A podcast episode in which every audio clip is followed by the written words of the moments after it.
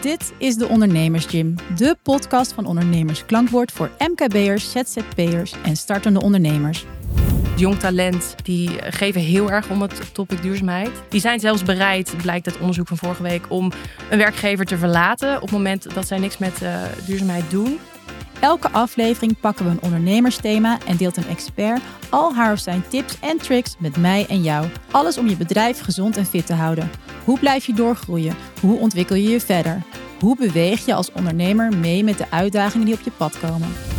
Dus dat laat wel heel erg zien dat als je jong talent wil blijven aantrekken in de toekomst als bedrijf, dan moet je hier gewoon mee aan de bak. Mijn naam is Sarah Monster en ik ben sinds 10 jaar ondernemer met meerdere activiteiten op het gebied van media, marketing en e-commerce. Als ik iets heb geleerd de afgelopen jaren is het dat geen dag hetzelfde is en dat je nooit weet wat er nu weer op je pad gaat komen. Daarom ben ik heel benieuwd naar de kennis van onze expert van vandaag. Vandaag is Floor Meder te gast bij de Ondernemers Gym. Floor is expert op het gebied van duurzaam en betekenisvol ondernemen. Het buzzwoord in ondernemersland is natuurlijk duurzaam. Het wordt voor bedrijven steeds belangrijker om met duurzaamheid aan de slag te gaan. Maar waar begin je? Welke stappen kun je zetten? En zijn er voorbeelden waarvan we kunnen leren? Nou, je hoort al, Floor, ik heb gelijk heel veel vragen. Merk je dat vaker bij ondernemers? Ja, zeker. Ja, ik denk dat uh, in het begin van het traject krijgen we een soort vragenvuur op ons af. Want ze weten niet zo goed waar ze aan beginnen. Dus uh, ja. En want als we nou even teruggaan naar de kern, duurzaamheid. Wat betekent dat voor jou? Wat, wat is dat wat jou betreft? Ja, dat is denk ik echt wel een hele goede vraag. Omdat veel mensen associëren duurzaamheid met klimaatverandering of de energietransitie. Uh, of denken aan zonnepanelen die ze op het dak leggen. Maar het gaat veel, gaat veel verder dan dat. Wat mij betreft gaat het om het creëren van een, een wereld die houdbaar is. Dus volgens de officiële definitie betekent het dat we heel erg voorzien in de behoeftes van de huidige generatie. Zonder dat we de behoeftes van toekomstige generaties in gevaar brengen. En dat raakt natuurlijk absoluut aan uh, ecologische problemen. Dus klimaatverandering, weet je, de wereld warmt op. De planeet is natuurlijk niet heel houdbaar. Het is niet heel draaglijk om hier te wonen als het heel veel warmer wordt. Maar het gaat ook echt over sociale thema's, zoals gezondheid of goed onderwijs, uh, gelijke kansen voor iedereen. Dus het is een heel breed thema. En uh, daar moeten denk ik bedrijven ook wel zich bewust van zijn als ze hiermee aan de bak gaan. En hoe ben jij hier zelf warm voor gelopen? Hoe komt, waar komt deze passie vandaan? Ja, bij mij is het een beetje cliché, denk ik. Ik heb niet een heel mooie openbaring eh, ervaren in mijn leven. Um, want het, ja, ik heb het opgepakt tijdens mijn, uh, tijdens mijn universitaire opleiding. Ik heb University College gedaan in Maastricht. En uh, dat is een heel vet concept waarbij je wat, wat vakgebieden kunt combineren. Voor mij was het sustainability, psychologie en marketing. En uh, die, die school is vrij kleinschalig, super internationaal, heel erg divers. Dus er zijn heel veel verschillende internationaliteiten en mensen die over het algemeen heel begaan zijn met de wereld. En dat heeft mij heel erg geïnspireerd. Ik heb een aantal vakken gevolgd uh, over sustainability. Ben toen wel echt gaan leren over hoe erg het is gesteld met de wereld. En ik vond ook best wel bizar dat we het daar heel weinig over hadden. Uh, er werd helemaal niet zo heel veel over gesproken in, in de kringen dan buiten mijn, buiten mijn opleiding. Dus ik ben een soort spons geworden. Ik heb heel veel gelezen. Ik heb heel veel eh, documentaires gekeken. Ik heb heel veel eh, onderzocht. En uh, toen mijn oogkleppen zijn afgezet en die heb ik niet meer terug op kunnen zetten. En dat is denk ik maar goed ook, want daar zijn heel veel mooie dingen uit ontstaan. Maar daar is het toch wel een beetje gebeurd, begonnen ja, in mijn studietijd.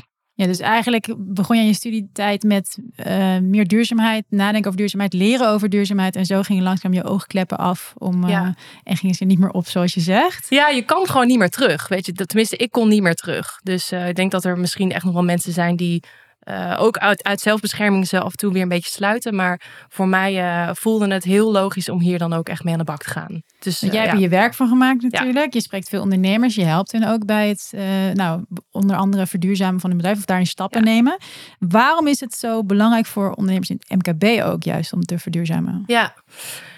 Ik denk dat heel veel mensen zien dat de wereld verandert, de economie verandert. Dus een van de belangrijkste redenen voor bedrijven om ermee aan de bak te gaan is dat consumenten weten steeds meer. Dus consumenten krijgen ook mee hoe het is gesteld met de wereld en worden ook kritischer in wat ze kopen en wat ze aanschaffen.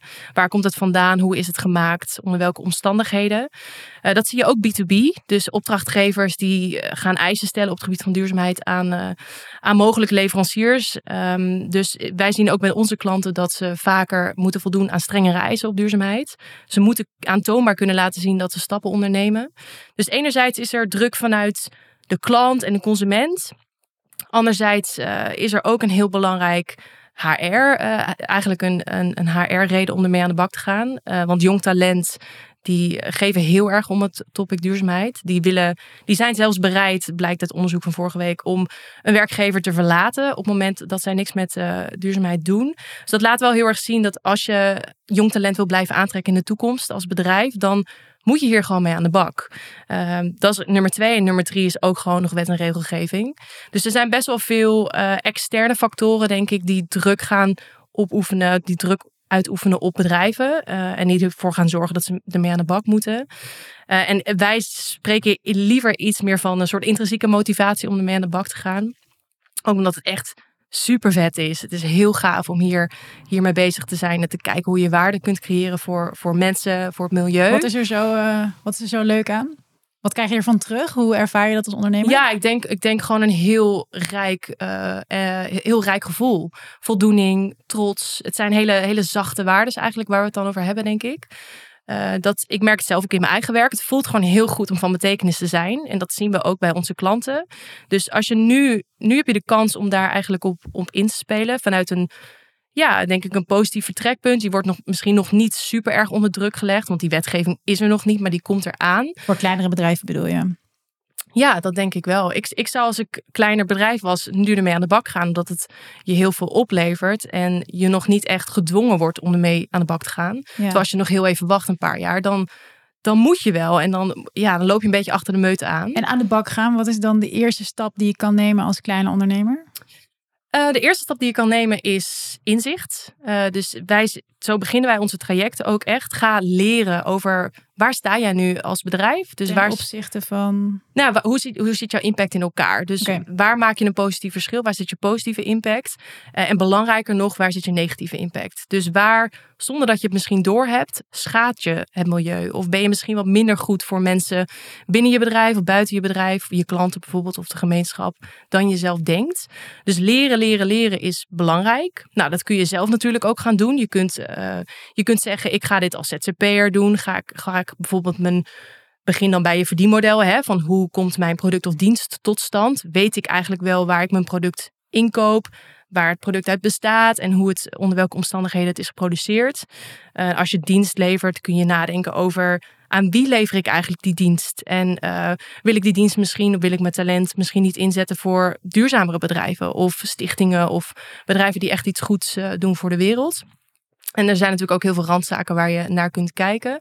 Maar ga gewoon eens met je team brainstormen over uh, waar voelen we ons goed bij? Wat zit lekker, denken we? Uh, en aan de andere kant ook, waar zijn we eigenlijk niet zo trots op? Of waar liggen we misschien wel eens wakker van, omdat we dat niet weten? Maak daar een overzicht van, maak daar keuzes in en gaan vanuit die inzichten, vanuit die lessen, kun je, kun je aan oplossingen gaan, gaan werken. En dan uh, ben ik een klein ondernemer, heb ik één of ja. twee mensen in het personeel, dus we zijn heel klein. Hoe zorg je dan dat het uh, bepalen van wat duurzaam is of wat nog niet zo duurzaam is, uh, geen gevoelskwestie wordt?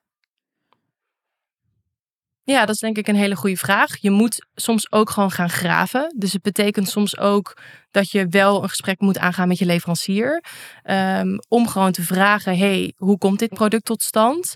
Um, of om in gesprek te gaan met klanten potentiële klanten over hoe belangrijk zij duurzaamheid vinden. Dus uh, een, een impactanalyse, zoals wij die eerste stap dan ook wel eens noemen, dat is niet per se een hele passieve taak of zo. Daarvoor ga je Ga je de buitenwereld in, pak de telefoon op, ga onderzoek doen. Nou, er worden binnen het vakgebied natuurlijk ook heel veel metingen gedaan. Um, dus er zijn ook partijen die je CO2-uitstoot in kaart brengen bijvoorbeeld. Dat is een vrij objectieve manier om te kijken naar wat heeft negatieve impact en wat is misschien wel beter voor het milieu. Dus um, ja, mijn advies zou zijn: ga, pak de telefoon op, ga bellen, ga op onderzoek uit. Uh, ga je verdiepen in bepaalde materialen misschien of in een bepaalde sector. Um, uh, of maak gebruik van zo'n, van zo'n meting. En dan heb ik als ondernemer heb ik dat allemaal netjes uitgeschreven uh, voor me op papier of op mijn scherm.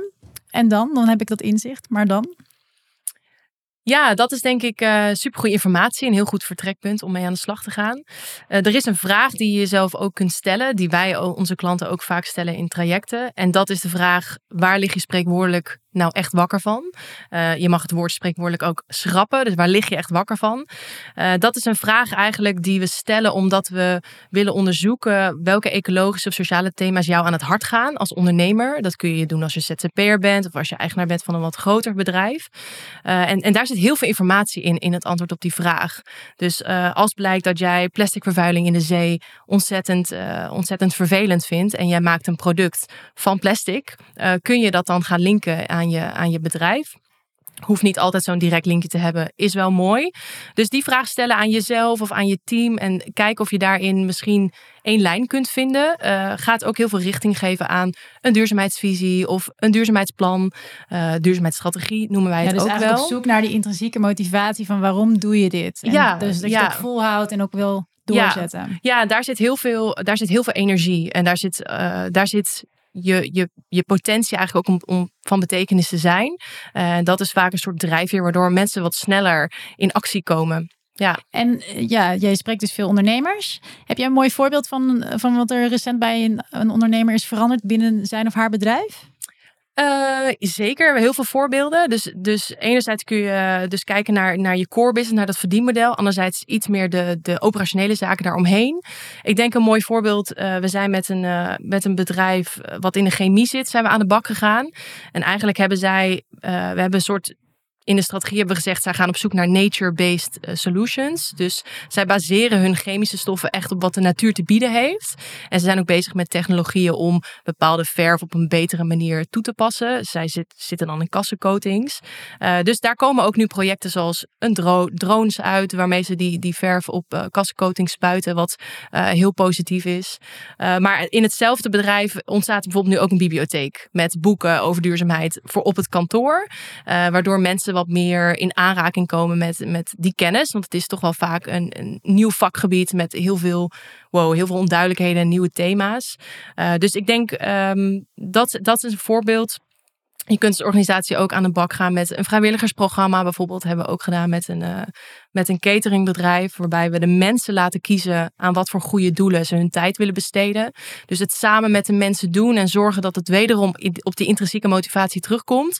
Zorgt ervoor dat het ook daadwerkelijk wordt geïmplementeerd en het ook bedrijven het ook volhouden. Ja, en effect heeft dus eigenlijk. Precies, uiteindelijk echt impact heeft. ja. Nou, dan gaan we tussendoor even naar de, de oefening van uh, Henk van Ooyen. Hij is sinds 2015 adviseur bij Ondernemersklankbord. En na jarenlange ervaring als merkenbouwer bij multinationals heeft hij het internationaal ondernemen aardig in de vingers. Die waardevolle kennis en ervaring zet hij nu in om ondernemers vooruit te helpen. Ook in de ondernemersgym kun je als ondernemer gebruik maken van zijn expertise. Ga er even goed voor zitten, want Henk heeft een mooie oefening over hoe je je goed voorbereidt op de toekomst. Als je nadenkt over de toekomst, kun je als ondernemer niet om het onderwerp duurzaamheid heen. De groeiende interesse in klimaatverandering, gezondheid voor mens en planeet zorgt ervoor dat je ook als ondernemer bewust met dit onderwerp bezig moet zijn. Om je bedrijf te verduurzamen moet er een balans ontstaan tussen economische groei enerzijds en bescherming van het milieu anderzijds. Je kunt een praktisch begin maken door een duurzaamheidsanalyse te maken in vijf stappen. Stap 1. Neem je huidige bedrijfsvoering onder de loep. Wat gaat er al goed op duurzaam gebied en wat kan er beter? Denk aan je kantoorruimte, vervoer, je inkoop, je productieproces enzovoort. Op de website van MVO Nederland kun je nuttige informatie vinden ter ondersteuning.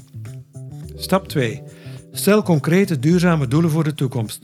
Maar ga voor doelen die haalbaar zijn. En bedenk ook hoe je deze doelen stapsgewijs kunt behalen. Maak keuzes en bedenk op welke punten je wilt verduurzamen. Stap 3. Kies voor de duurzamere alternatieven in jouw bedrijfsruimte. Denk aan groene energie, zonnepanelen, dubbel glas. En het kiezen van een combinatie voor kantoor- en thuiswerkdagen is ook een goede optie. Stap 4. Maak een concreet plan om te verduurzamen, waarbij je ook je eventuele medewerkers betrekt. Zo voelen zij zich gehoord en raken ze geactiveerd en gemotiveerd om mee te werken. Stap 5. Maak gebruik van de regelingen die de overheid biedt. Er zijn allerlei financiële regelingen voor duurzaam ondernemen. De overheid stimuleert dat en heeft ook regelingen voor energiebesparing. En bij je starter, wees dan slim en probeer vanaf het begin duurzaam te denken en te werken. Dan ben je niet alleen beter klaar voor de toekomst, maar heb je vooral ook een mooie en effectieve manier om je te onderscheiden. Heel veel mensen vinden dat vandaag de dag belangrijk. Zij kiezen bewust voor duurzaam en zijn bereid om daar ook meer voor te betalen. Floor, je hebt op papier uitgewerkt hoe je ervoor staat. Vervolgens bepaal je je intrinsieke motivatie en waar je aan wil gaan werken. Hoe communiceer je over de duurzame stappen binnen je bedrijf? Breng je dat naar buiten toe? Hoe doe je dat naar binnen toe? Ja, ik denk communicatie uh, in relatie tot duurzaamheid is echt super tricky. Uh, we zien heel veel greenwashing. Dus bedrijven die zich beter voordoen dan dat ze in werkelijkheid, in werkelijkheid zijn. Um, dat heeft echt heel veel negatieve gevolgen voor je reputatie. En moet je denk ik ook gewoon echt niet willen. Hoe zorg je dat je dat niet, dat je niet aan greenwashing doet? Ja, dus uh, het allerbelangrijkste wat mij betreft is dat je gaat communiceren nadat je stappen hebt gezet op dit onderwerp. Dus ga niet, tuurlijk je mag je intenties best wel kenbaar maken. Maar zorg ook dat je die communicatie opvolgt met wat je dan daadwerkelijk hebt bereikt.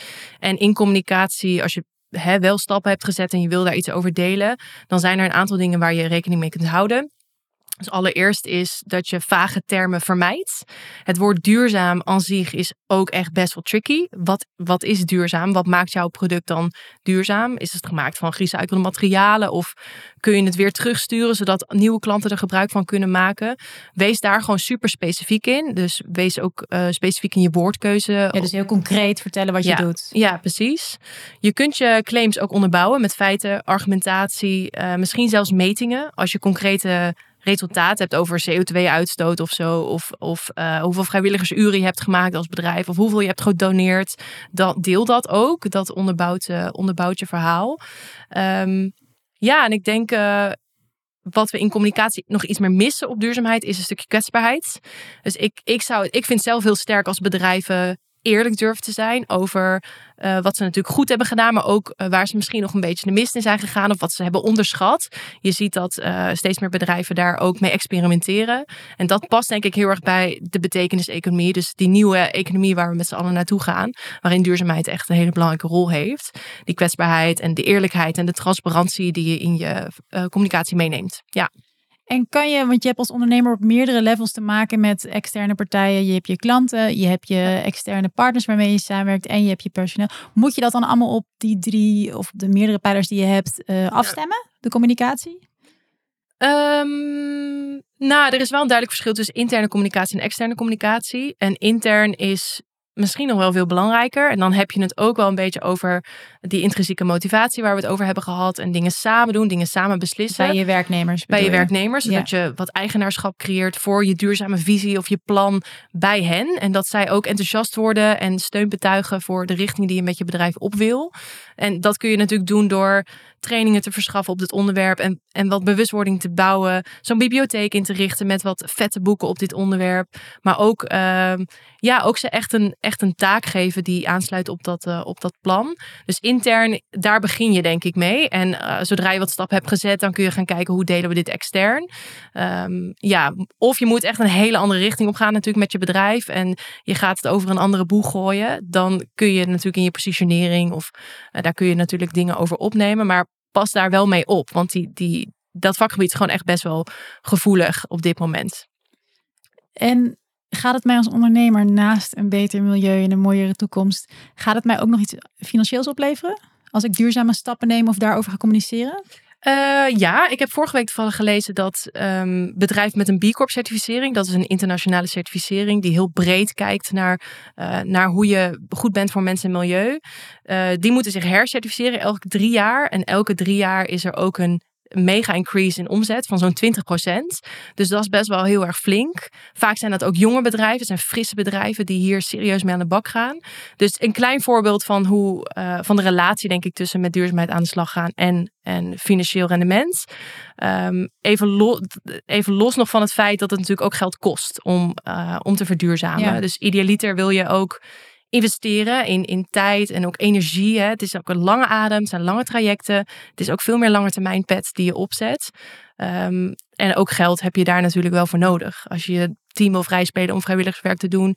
Of je gaat duurzamere materialen werven voor je productie. Producten, producten, daar staat wel een bepaald prijskaartje tegenover. Ja, dat is natuurlijk ook zelf vanuit ondernemerservaring. Is het als klein bedrijf kan het heel lastig zijn. Uh, bijvoorbeeld met inkopen van verpakkingsmateriaal. Ja, ja. Ik kom er niet doorheen om echt iets echt duurzaams te krijgen. Ja, dat hoor ik ook wel vaak hoor. Bedrijven, er zijn hele grote, hele grote bedrijven, de corporates in deze wereld, die, die vegen al het gerecycled plastic voor alle kleine bedrijven weg. Dus die claimen dat allemaal voor hun producten. Waardoor kleine bedrijven daar veel minder snel uh, ja, de mogelijkheid voor krijgen. Dat is wel echt heel erg vervelend, denk ik. Uh, ik hoop ook wel dat dat gaat, uh, dat dat gaat veranderen. En in die zin is het dus ook een lange adem ja. om ermee aan de bak te gaan. Geen je moet geduld hebben. ja. Nee, je moet geduld hebben, ja. Welke duurzame stap heb je nou net zelf met je bedrijf genomen? Ja, ik denk um, een hele betekenisvolle stap die wij zelf hebben gezet vanaf het prille begin van het bedrijf is dat we een formele donatieovereenkomst zijn aangegaan met twee goede doelen. Dat zijn goede doelen die ons heel erg aan het hart gaan. Dat zijn Solidaridad en uh, Lenteland. Uh, en hoe dat is ontstaan is uh, toen ik het bedrijf oprichtte, toen wilde ik eigenlijk een beetje experimenteren met enerzijds direct teruggeven aan, uh, of direct investeren in een beter mens, beter milieu. En anderzijds ook experimenteren met andere vormen van betaling. Dus we betalen nu heel erg in euro's. Maar ja, in mijn ogen is eh, het succes van een bedrijf hangt ook niet alleen aan euro's, hangt ook aan wat we goed doen voor mensen en milieu. Dus ik ben gaan experimenteren met een soort impactbetaling. Uh, en daaruit is uiteindelijk een soort uh, formele donatieovereenkomst ontstaan. Dus in het begin doneerden we 10% van onze omzet aan deze goede doelen. Dat een tikkeltje naïef. Um, ik was jong en onervaren en het was best wel een hoop. Maar inmiddels is dat nog steeds 5%. En het leuke daaraan is, is dat hoe beter het gaat met etiket, uh, hoe meer we ook kunnen, kunnen doneren aan die goede doelen. Uh, en het geeft ook richting aan andere initiatieven binnen het bedrijf, vrijwilligerswerk bijvoorbeeld. Dus zo is het cirkeltje best wel mooi rond. Ja. Mooi. Bij duurzaamheid wordt vaak nog met een vingertje naar de ander gewezen. Ja, je werkt wel met gerecycled materiaal, maar je vliegt ondertussen naar die meeting. En eigenlijk kun je het nooit 100% goed doen, denk ja. ik. Hoe ga jij daarmee om? Wat, wat geef je mee aan ondernemers hierin? Ja, het is de vraag of ik het meegeef aan de ondernemers of aan mensen in mijn, gewoon mijn privékring, zeg maar. Ik denk dat in de privésferen dit iets meer gebeurt dan bij ondernemers. Uh, mensen zijn best wel inderdaad belerend naar elkaar. En uh, vooral als je een duurzame stempel hebt, dan kun je, kun je nooit meer vliegen. Weet je, dat is best, dat is best lastig. Um, ik denk dat we met elkaar er, er, bestaat geen perfect bedrijf, punt. ook uh, die B Corp bedrijven, wat best wel een mooie certificering is, maar dat zijn geen perfecte bedrijven. Dus elk bedrijf heeft impact op de wereld, negatieve impact. Uh, en uh, voor ieder bedrijf geldt, kijk gewoon naar wat je beter kan doen. En laten we gewoon samen, veel meer samenwerken ook om bepaalde hele gemeenschappelijke belangen in deze wereld op te lossen. dus we moeten veel minder gaan concurreren met elkaar, maar veel meer gaan coöpereren. Dus veel meer samenwerking opzoeken. Past ook heel erg bij de, de nieuwe economie, denk ik. Dus dat is iets. Ik moet het soms ondernemers ook wel afleren van, ah jongens, dat is niet, niet zo constructief wat je nu doet. Terwijl ik soms ook de frustratie voel, waar we het net over hadden met het plastic. Weet je, als je echt gerecycled plastic wil gebruiken en het is er gewoon even niet meer, dat is natuurlijk super frustrerend. Maar ik denk dat we uh, constructief, constructief in de wedstrijd moeten blijven zitten. Want het heeft gewoon niet zoveel zin om elkaar... Uh, om elkaar in de ja uh, om elkaar te beledigen. Ja, de maat te nemen. Ja, dat ja. Heeft, het is gewoon niet zo constructief. Dus dat ma het maakt het verduurzamen ook niet leuker. En als jij nou de toekomst mag schetsen, hoe ziet ondernemersland eruit over zeg 20 jaar? Ja, ik denk dat bedrijven die um, van betekenis zijn en echt een verschil maken met hun product of dienst. En dat ook als bedrijfsdoel hebben, geld als middel zien ik zou het super mooi vinden als, en ik weet ook dat dat gaat gebeuren, als die gaan floreren in de wereld. Dus uh, zij worden gewoon op handen en voeten gedragen. En de bedrijven die dat niet doen, en uh, die lopen gewoon achter de meute aan. En die zullen uiteindelijk, denk ik, uh, uit het beeld verdwijnen. En dat is misschien maar goed ook. Nou, mooi Floor. Dankjewel. Fijn dat je er was. Ja, graag gedaan. Dit was de Ondernemers Gym, een podcast van Ondernemers Klankbord voor MKB'ers, ZZP'ers en startende ondernemers. Deze podcast helpt je een stap verder in het ondernemerschap. Hoe vond je deze training? Laat het ons weten met een review in jouw podcast-app. Ondernemersklankbord helpt ondernemend Nederland vooruit. Wist je dat wij het klankbordtraject aanbieden? Dat is een één op één traject met een adviseur van ondernemersklankbord die jou zes maanden lang persoonlijk begeleidt. Meer dan 300 adviseurs staan voor je klaar. Ga voor meer informatie naar ondernemersklankbord.nl.